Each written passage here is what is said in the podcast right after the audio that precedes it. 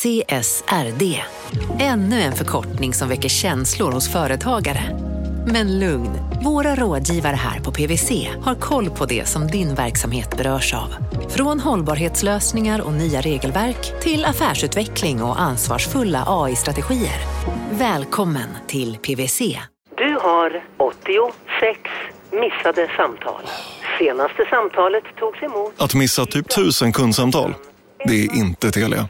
Att ha en molnbaserad växel som löser allt, det är Telia. Upptäck Smart Connect som gör ditt företagande enklare. Läs mer på telia.se företag. Det där var för att uppmärksamma er på att McDonalds nu ger fina deals i sin app till alla som slänger sin takeaway förpackning på rätt ställe. Även om skräpet kommer från andra snabbmatsrestauranger som exempelvis Ma...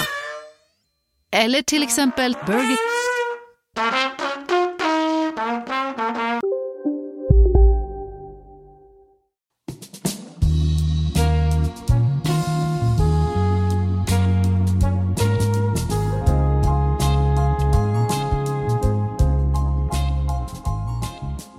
Hjärtligt välkomna ska ni vara till Kapitalet. Jag heter Gunnar Harjus. Jakob Bursell är också här. Hej Jakob. Hej.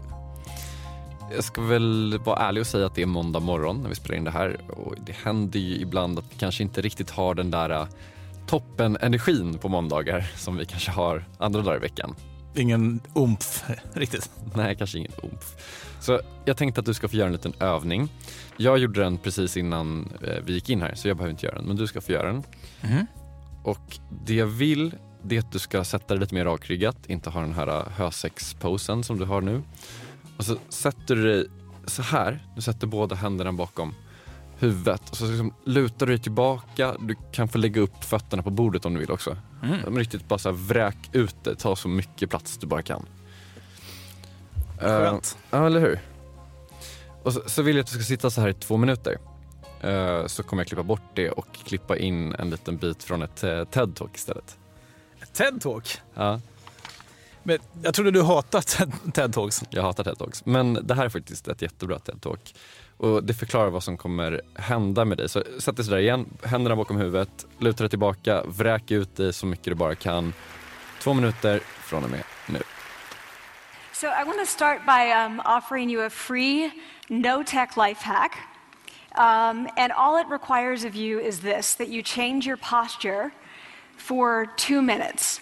So two minutes lead to these hormonal changes that configure your brain to basically be either assertive, confident, and comfortable, or really stress reactive, um, and you know, feeling sort of shut down. And we've all had that. här, man kan sätta upp foten så här också.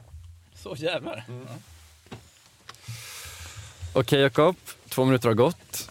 Hur, eh, hur känner du dig? Nej, men pigg och, pigg och glad. Pigg och glad? Piggare och gladare än innan? Ja, men lite. Det är spännande. Skulle du säga att du känner dig svagare eller starkare?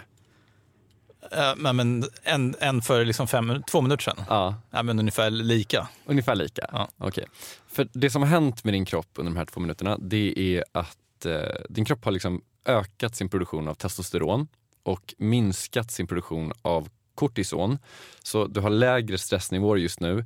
Du känner dig mer maktfull och en liten udda grej faktiskt som är en del av det här TED-talket och forskningen bakom det. Du är mer risktagande nu än vad du var för två minuter sedan. Bara för att du satt med händerna bakom huvudet i två minuter. Ja, för att det liksom stimulerar eh, hormoner på ett sätt som gör att du kommer bli mer risktagande. Oj, intressant. Eller hur? Det är otroligt. Och anledningen till att det är otroligt, det är att det otroligt. Alltså det är trams. Det stämmer inte. Okej. Alltså det här TED-talket, det är världens näst mest sedda TED-talk någonsin. Det har typ 50 miljoner visningar. Amy Cuddy som håller i den här föreläsningen, hon har varit med i typ The Tonight Show och typ alla morgonshower på hela jorden. Och har inte hon varit med så har forskningen varit med i alla morgonsoffer på Eh, jorden. Påfågeln s- eh, sprider ut sig, alfa, han bara!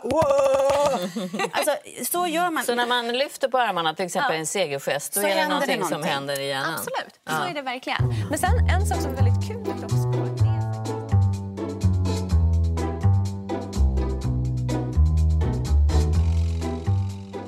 Och folk eh, tror ju på det här. Okej, men om det här är då liksom trams, hur kan det bli ett eh, TED-talk? Alltså man känner ju att man får sitt liv på plats bara genom att sitta sådär i typ två minuter med armarna bakom huvudet. Och anledningen till att det ändå har blivit ett TED-talk det är att det finns forskning bakom det. Men sen har det visat sig att det här stämmer inte. Exakt. Och Det här gäller inte då forskning kring hur du sitter eh, bara, utan det gäller forskning inom alla fält. Inte minst då vårt favoritämne ekonomi. Forskare över hela jorden gör misstag i princip varje dag och det får ju då konsekvenser för typ oss. Hur det här kan komma sig och personen som vill ställa allting till rätta igen efter det här.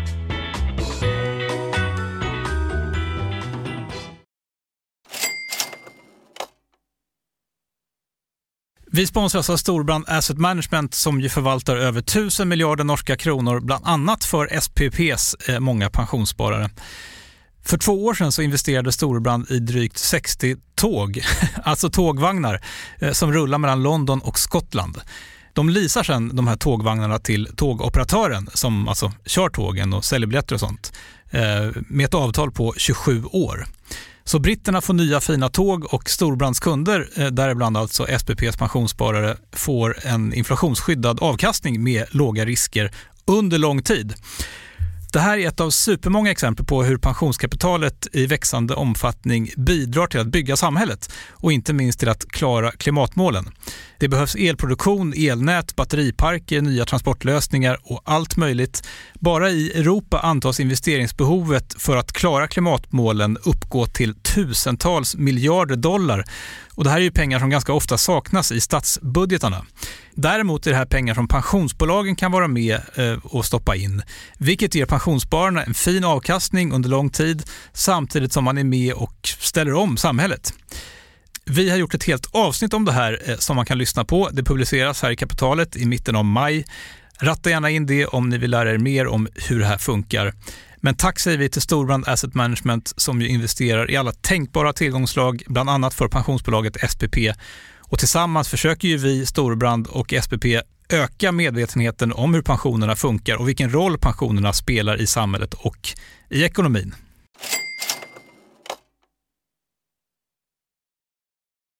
Ja, innan pausen så hände ju två saker. Eh, dels så försökte du lura mig eh, med konsekvensen att jag kände mig lite dum.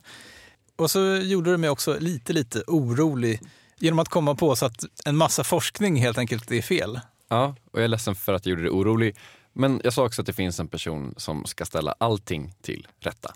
Anna Drever Almenberg, professor i nationalekonomi vid Handelshögskolan Stockholm. Anna Dreber Almenberg är personen som berättade för mig om det här testet med händerna bakom huvudet. Det var hon som sa till eh, dig att lura mig? Nej, det, det initiativet tog jag faktiskt själv. Men det var hon som berättade om det här. Hon sådde väl fröet. Vi kan väl höra henne lite berätta om den här studien. Och att det har fantastiska effekter på hormoner och beteenden. Så de som har randomiserats till den här high power pose, hög power posen, har högre testosteronnivåer, lägre kortisolnivåer, som lägre stresshormoner, eh, är mer ekonomiskt risktagande och känner, mer, känner sig mer maktfulla. Liksom. Kanske, det kanske påverkar dina hormonnivåer, ditt beteende, ditt beslutsfattande. Okay, det är helt otroligt. Alltså jag hör att hon skrattar ju genom hela den här beskrivningen. Ja. Jag fattar ju nu att hon skrattar för att det här är fel, men vad är det som är fel? Ja, men det som är fel, det är i princip det som är fel med väldigt mycket forskning. Problemet är att när vi gör om den här studien med fem gånger så många deltagare och gör en, vi gör några skillnader, men en fundamental skillnad är att experimentera den här i blint till vilken grupp deltagaren tillhör. Om det är hög power pose eller låg power pose. Man kan inte indirekt liksom påverka beteendet. Så hittar vi i princip ingenting. Och det är det här som Anna Dreber Almenberg gör. Hon tar studier och återskapar dem i större skala och eh, rätt så ofta så hittar hon just ingenting. Vi ska säga att hon inte är ensam om det här. Det finns ett helt community med forskare som gör den här typen av studier. Metastudier kan vi kalla det.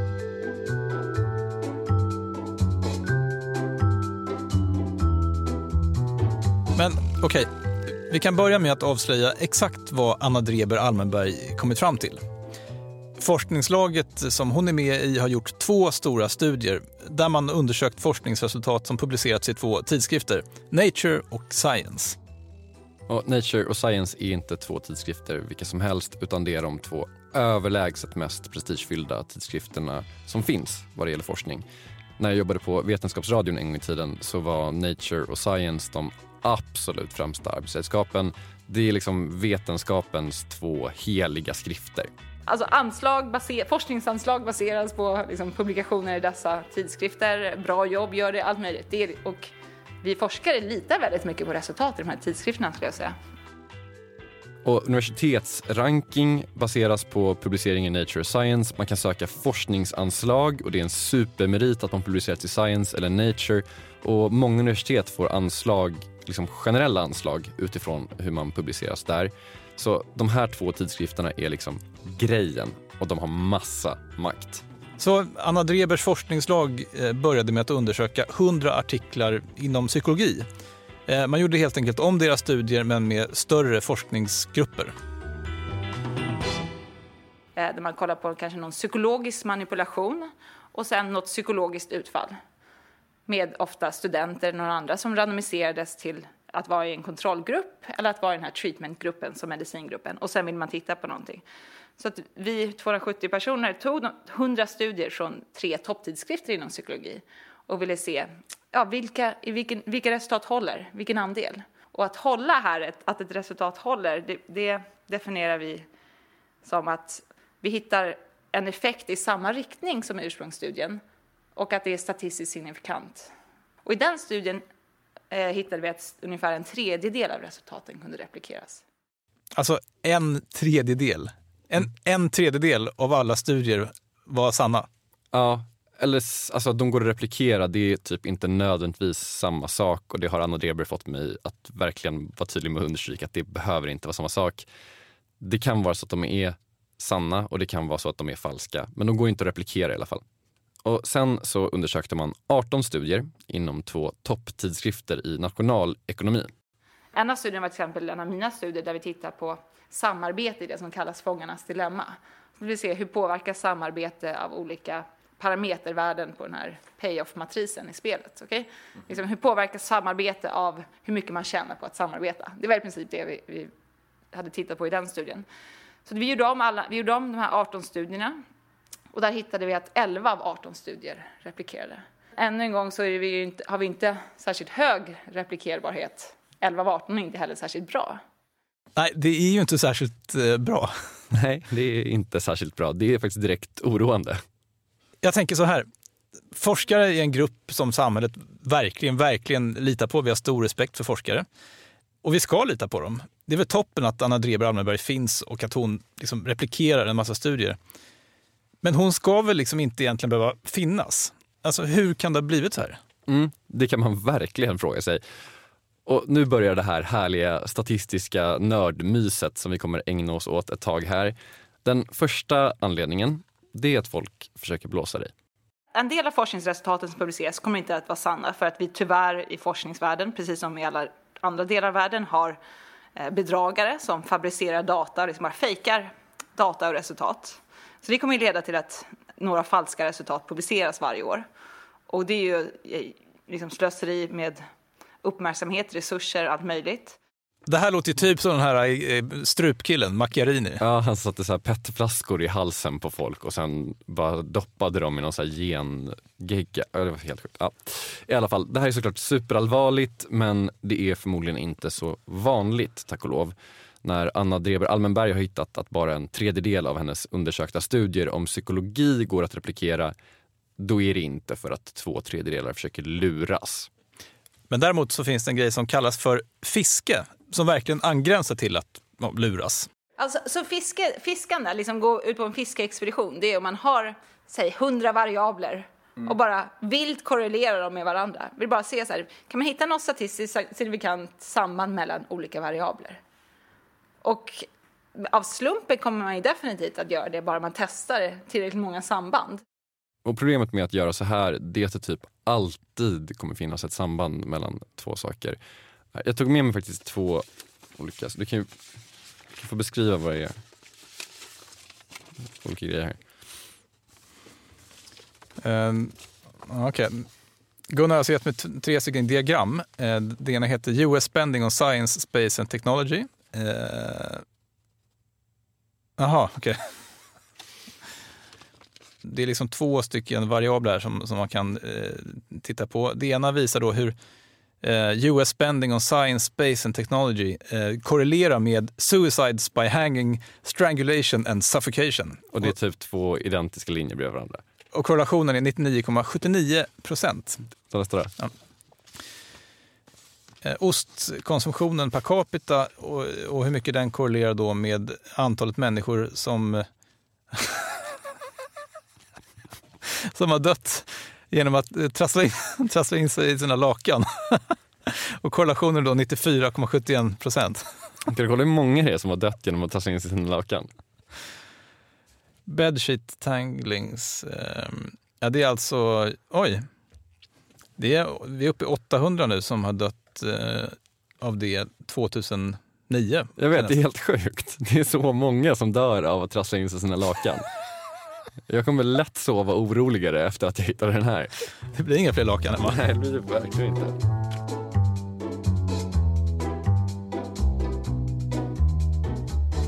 Okej, det här är såklart trams, men den här typen av liksom sinnessjuka samband, det går ju också att hitta i forskningen om man bara tar med tillräckligt många variabler och liksom kör dem mot varandra. Du menar att det inte finns ett, ett samband mellan USAs rymdutgifter och självmord? Ja, vem är jag att avgöra det? Men Anna Dreber Almenberg tror inte det och jag får väl lita på henne. Men det här är liksom oseriös forskning och inte så vanligt heller, tror hon. Eh, Det finns däremot en annan sak som kan förvränga forskningsresultat lika allvarligt och som är desto vanligare. P-hackande. Att någonting kallas ju statistiskt signifikant om det har p-värde under 0,05. Jakob, du skröt ju lite innan om att du fick högsta betyg i den 15 poängs kvällskurs som du gick i statistik för bara tre år sedan. Vad är p-värde för någonting? Ja, men sannolikheten att, att ett resultat inte är slumpmässigt. Ja men typ. Det är bra. Bra. Jag förstår att du fick högsta betyg på den här 15-poängskursen. Sättet man gör en kvantitativ studie på, det är att du sätter upp en premiss. Sen har du två stycken hypoteser. Mm. Man har då en nollhypotes eh, och en alternativ hypotes. Och det är då den alternativa hypotesen som man då försöker, vill bevisa. Så om du ska undersöka om en kolesterolsänkande medicin fungerar, eh, ja, då testar du den på två grupper. En som får sockerpiller och en som får medicinen. Mm. Din alternativa hypotes är då att gruppen som får den riktiga medicinen kommer att ha lägre kolesterol efter en tid med den. Och din nollhypotes är att ingenting kommer att skilja sig mellan de här gruppernas kolesterol efter en tid av medicinering. Och utifrån din data får du då ett p-värde och det här p-värdet signalerar hur sannolikt det är att nollhypotesen stämmer med den data vi har då. P-värdet blir alltid liksom, det blir lite förvirrande för att jag menar, hjärnan det är typ inte skapt för att tänka i sannolikheter. Nej. Men, och, och det är också liksom statistik. Eh, och det är det som är lite bökigt för att man är ju van vid att människan vill att antingen är svart eller vitt. Om fan, medicinen funkar eller så fungerar den inte. Men gruppen som du gör testet på kanske är 100 pers. Mm. Det är inte, det är inte hela befolkningen. För att veta med, liksom, med säkerhet så måste du testa på alla och det gör man ju inte. Och därför liksom handlar det om sannolikheter. Ja. Men grejen är i alla fall att man vill ha ett så lågt p-värde som möjligt. Man vill ju inte att det ska vara troligt att ingenting har hänt. Man vill bevisa att någonting händer när man tar den här medicinen. P-värdet är egentligen lite godtyckligt men man brukar sätta gränsen vid 0,05. Alltså, vad det betyder egentligen är att det är mindre än 5 risk att man kan få det här resultatet om ingenting har hänt. Exakt, och det, det, är här, det är här som är svårt. Det är det här som är svårt. Men man brukar i alla fall räkna med att om det, man har ett p-värde som är 0,05 så kan man lita på den här effekten. Så jag gör min analys där jag jämför två grupper, de här som har fått medicinen och de som inte har fått det. Och så hittar jag ett p-värde på 0,051. Då har jag inget resultat. För det är inte statistiskt signifikant. Det är precis över 0,05. Hade jag hittat att det var 0,049 det, det är liksom ingen skillnad på 0,051 och 0,049 men vi, vi drar den här arbiträra gränsen på 0,05. Om jag hittar det på 0,049 då har jag en story. Då har jag hittat en effekt. Det är statistiskt signifikant. Så gör jag min analys av datan och hittar 0,051, då kan jag se vad händer om jag kontrollerar för ålder? Eller om jag exkluderar någon observation som hade jättehöga kolesterolnivåer innan. Eller exkluderar någon som hade jättelåga kolesterolnivåer innan. Eller något sånt. Och ser vad händer med p-värdet. Hur kan jag få det att gå från att vara 0,051 till att vara 0,049? Det där är p-hackande. Så jag testar ju en hypotes. Jag har ju hypotesen här om att medicinen påverkar kolesterolnivåer. Men det finns frihetsgrader i hur jag gör analysen.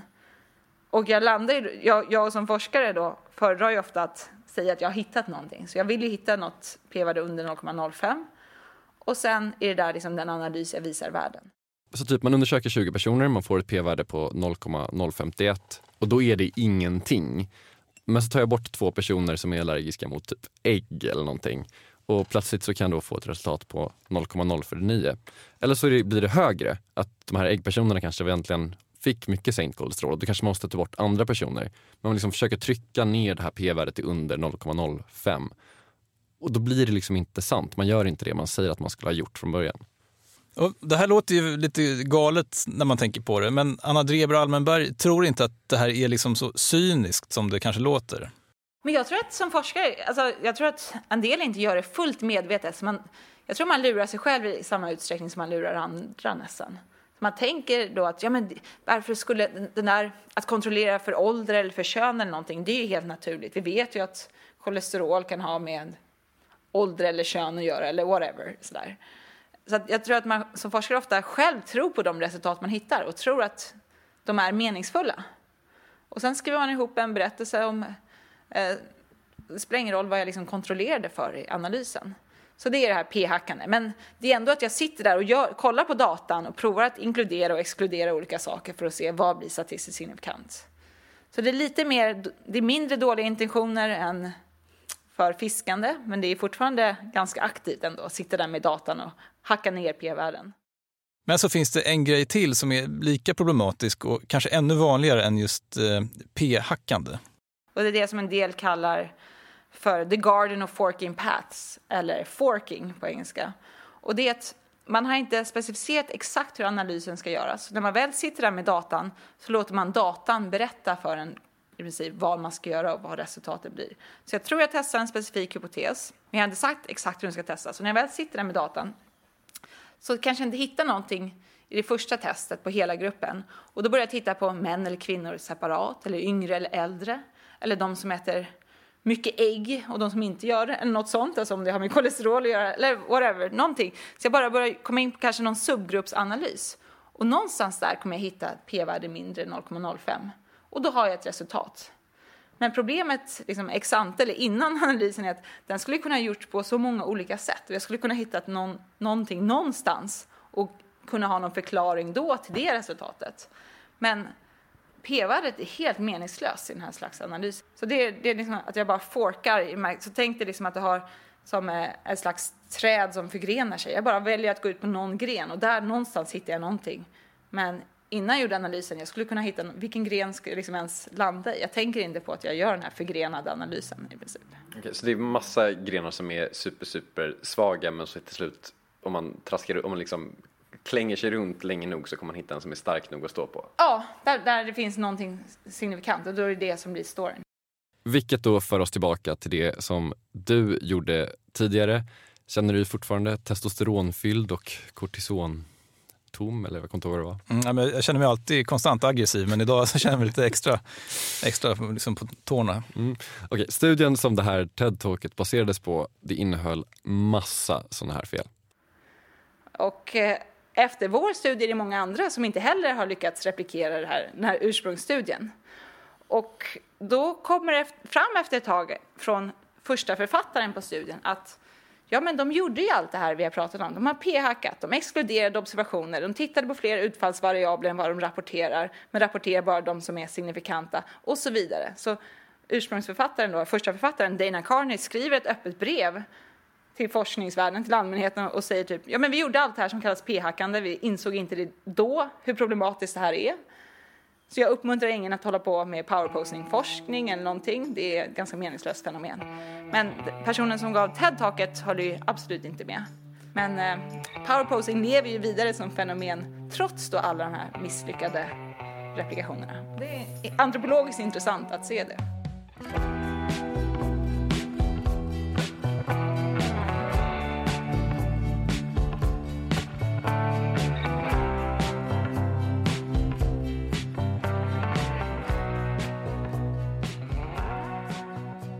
Så fenomenet powerposing lever vidare och det är liksom inte så konstigt. Det är liksom 50 miljoner människor som har sett det här TED-talket och kanske högt räknat 500 personer som läst det här öppna brevet som säger att studien det är baserat på är fel. Och det är så människan funkar. Man kanske inte kommer klicka på ett TED-talk som heter How I looked into body language and found nothing. Nej, verkligen. Man blir, lite deppig när man tänker på det, att man vill ha så enkla lösningar på allting. Ja, men människan är, är Homo sapiens. Ja, verkligen. Men det kan faktiskt vara så att det finns ett ljus i den här mörka tunneln. Betting. Betting? Betting. Hur allting hänger ihop efter det här.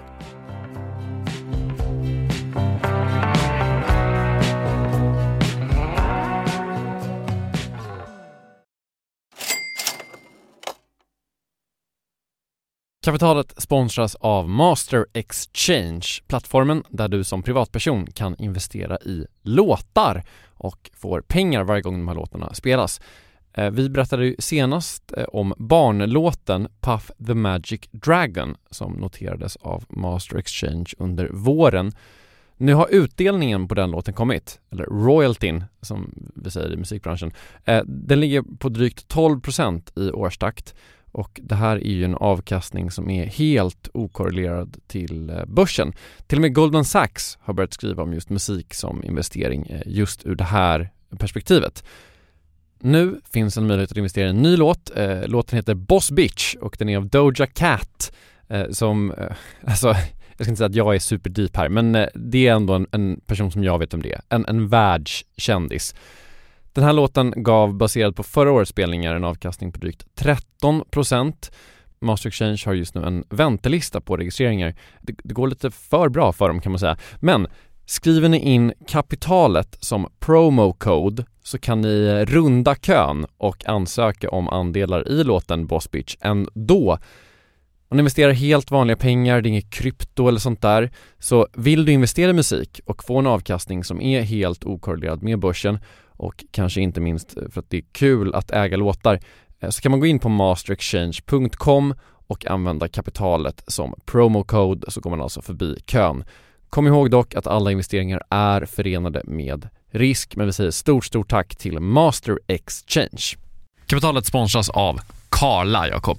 Ja, bilar igen. Ja, det är eh, härligt. På Karla kan man sälja sin elbil eh, på det gissningsvis smidigaste sättet i Sverige Eh, Karla har ju ett, nästan ett komiskt högt användarbetyg på Trustpilot. Mm. 4,8 av 5, vilket jag typ aldrig hört talas om. Nej, det är väldigt, väldigt högt. Eh, man knappar in lite info om bilen på sidan, sen får man en gratis värdering och ett bud. Accepterar du budet kommer Karla och hämtar upp bilen gratis och sätter in pengarna innan de kör iväg. Inget mer än så. Rätt fantastiskt. Nej, det är faktiskt ja. helt otroligt. Och eh, det kan bli ännu mer eh, otroligt än så. Eh, för att vi har nämligen en rabattkod som ger dig 2000 kronor extra för bilen. Så om du säljer din bil så får du två lax extra. Stämmer. Bara sådär. Eh, koden är Monopol och eh, den uppger du när du har värderat bilen och eh, pratat med Karlas inköpare. Koden är giltig till sista maj så att passa på om du går i säljartankar. Jag undrar om vi haft en kod som har gett två lax bara sådär någon gång. Nej. Det är helt otroligt. Mm. Man behöver en bil förvisso. Absolut, så det är kanske inte bara sådär, men det är ändå 2000 kronor extra. Väldigt bra. Ja. Så sälj din elbil eller laddhybrid till Karla. Du får 2000 kronor extra med rabattkoden Monopol. Eh, hoppa in och kolla på karla.se. Karla Museet. Där kan man också köpa bilar ska jag tillägga. Verkligen. Vi säger stort tack till Karla. Så innan pausen målade vi upp en lite mörk bild av forskningsvärlden där resultat publiceras som inte går att replikera. Och det här får ju en massa följder. Mm, de följderna är kanske lite svåra att spekulera i. Eh, men när det kommer till nationalekonomi, där alltså ungefär två tredjedelar av de forskningsresultat som Anna Dreber försökt replikera gick att replikera. Alltså det är ganska lite egentligen, bara två tredjedelar. Men där kan du i alla fall få liksom ekonomiska följder. Även om Anna Dreber Almenberg säger att de resultat som vi typ så bygger vår ekonomiska politik på nog är lite mer underbyggda och kanske mer replikerade än de som hon försöker sig på. Men oavsett så får det här följder på universitetsvärlden där massa forskning kan bedrivas i onödan och massa pengar kan delas ut till forskare för att deras oreplikerbara studie har publicerats i en mäktig tidning. Men så lovade jag också ett ljus i tunneln. För Anna Dreber Almenberg har sysslat med en grej på senaste som ska kunna förutse att en studie är dålig. Så vi gör de här applikationerna, men vi lägger också till något som kallas prognosmarknader eller prediction markets. Och det, vet du vad det är till exempel? Nej. V vet du vad det är? Mm. Det, alltså, jag älskar sådana marknader. Det är din favoritsak? Ja, typ. Okej, för er som inte har det som favoritsak så kan väl Anna Dreber förklara det för oss. Och som allt 2018 så har det här med Donald Trump att göra. Tänk dig att eh, man har ett val till exempel. Så amerikanska presidentvalet har man haft många marknader kring. Och nu senaste valet då kan man, då kan man köpa ett kontrakt som är värt en dollar om Trump skulle bli president och noll dollar om han inte skulle bli det. Så med vissa antaganden kan man tolka priset på ett sånt här kontrakt som sannolikheten marknaden tillskriver att Trump blir president. Så säljer kontraktet för 50 cent på dollarn, ja, då, då verkar det som att marknaden tror att Trump har 50% sannolikhet att bli president. Tror du att sannolikheten är lägre, då ska du ju blanka det här kontraktet eller köpa liksom motståndarens kontrakt. Eh, tror du att sannolikheten är högre, då ska du köpa kontraktet. Ja, vad har det här med forskning att göra kan man då tänka sig. Men... Tidigare har man kunnat se att sådana här prognosmarknader, prediction markets, om något presterar bättre än valundersökningar i att predikta valresultat. Då kan man fråga sig varför. Och en skillnad då, om du har en valundersökning på tusen pers, då vill du ha ett representativt urval, så du kan säga någonting om liksom, hur befolkningen i stort skulle bete sig. Och så frågar du tusen personer, vad ska du rösta på? Så då får du ju tusen personers personliga åsikter eller preferenser vad gäller då politik. Men om du har en prognosmarknad, jag har ju deltagit på sådana här marknader och bettat på amerikanska val. Och jag bettar ju här inte utifrån mina egna politiska preferenser utan jag bettar utifrån vad jag tror kommer att hända. Och vad påverkar vad jag tror kommer att hända? Jo, det är ju saker som vad jag läser i tidningar, vad mina vänner säger, bara vad jag upp, hur jag uppfattar att världen fungerar. Så man kan ju få in väldigt mycket mer information från tusen personer på en prognosmarknad än vad man kan få från en valundersökning. Så att man får liksom mer information än bara tusen personers personliga åsikter eller personliga preferenser för politik helt enkelt. Okej, okay. jag anar var det här är på väg nu. Hur kan vi använda sådana här marknader inom forskningen för att förstå vad forskare tror om forskningsresultat. Så vi bjöd in för psykologiprojektet och för nationalekonomiprojektet och för det senaste då Nature Science-projektet bjöd vi in forskare i psykologi och nationalekonomi. Och det var bara självselekterade individer då som valde att vara med. De fick pengar av oss, mellan 50 och 100 dollar beroende på vilken marknad det var, som de fick använda sen för att köpa och sälja kontrakt i olika hypoteser. Vi hade en hypotes per studie och deltagarna på våra marknader kunde köpa och sälja de här kontrakten i hypoteser helt enkelt. Så då liksom hade ni ett stort gäng forskare som fick betta på om det här stämmer eller inte? Ja, så att, eh, några, totalt sett några hundratals forskare har vi haft. Så att då, då låter vi, sätter vi upp en sån marknad och så får forskare helt enkelt betta i några veckors tid. Och sen ser vi vad tror den här, liksom, den här gruppen av forskare, vad tror marknaden? Och generellt sett hittar vi att forskare är väldigt bra på att, ut, på att förutse vilka resultat som kommer att hålla. Och det är ju jätteintressant, tycker jag, på många sätt. För det här, det här säger någonting om att de här falska resultaten som publiceras, falska positiva, de kanske inte är riktigt lika problematiska som vi trodde, för många forskare trodde ändå inte på dem. Så forskare fattar att de här grejerna inte är sanna, eller att vissa grejer då är sanna. Vilket är sjukt intressant tycker jag verkligen. Men problemet är ju att morgonsofforna tror på det här. Ja. De köper slutsatserna och då sprider man dem till resten av allmänheten. Ja, man skulle behöva ett forskningslag på så här Malou efter tio eller någonting som man kan sitta och ha prediction markets kring så här, vilka så här, kaffe får dig att leva längre studier som Malou ska få ta upp. Typ. Ja, eller så får Malou gå en grundkurs i statistik. det visar också att det är något, någonting systematiskt med de här studierna som inte replikerar. Som då andra forskare verkligen plockar upp och använder när de då slår vad på de här marknaderna. Och jag skulle tro att folk använder så enkla tumregler som att ju lägre p-värdet är, ju högre den statistiska signifikansen är, desto större sannolikhet att det replikerar. Så jag tror många använder det. Tittar nog på urvalsstorlekarna. Har ursprungsstudien 40 deltagare är det nog mindre sannolikt att resultatet kommer att hålla jämfört med om den har 400 deltagare. Och sådana saker. Jag tror man använder ganska enkla tumregler så man kommer ganska långt på, eh, på de här marknaderna. Men sen finns det nog massa annan soft information där ute som man använder helt enkelt. Man litar kanske mer på vissa forskare, man kanske litar mer på vissa ämnen, subämnen inom olika fält än andra. Och det, ja, men det är intressant, tycker vi såklart, och många andra verkar tycka att forskare är bra på att förutse vilka resultat som kommer att hålla.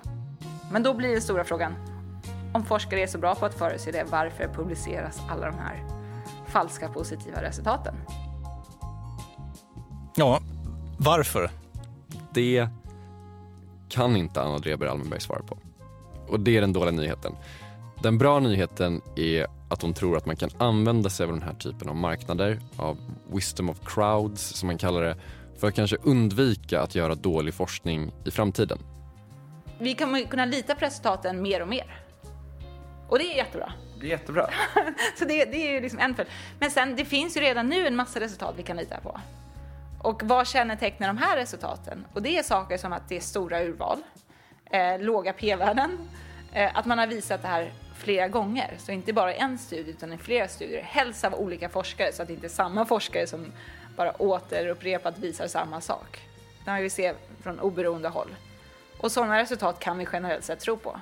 Så det man ska liksom kanske vara lite skeptisk till det är just de här fantastiska resultaten på små urval. Eh, på saker som vi liksom, om vi tänker efter lite, tror vi verkligen att världen fungerar så? Typ powerposing.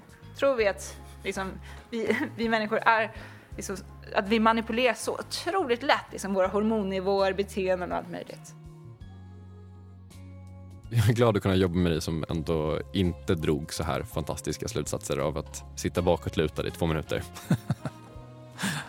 Ja, men jag känner mig stolt att eh, ha duckat den där kulan. Mm. Och med det så är kapitalet slut för idag. Har ni ramlat över någon särskilt intressant studie på senaste och tror att den inte går att replikera, hör gärna av er. Vi finns på gunnar respektive jakob kapitalet.se. Vi är tillbaka igen om en vecka. Hej då!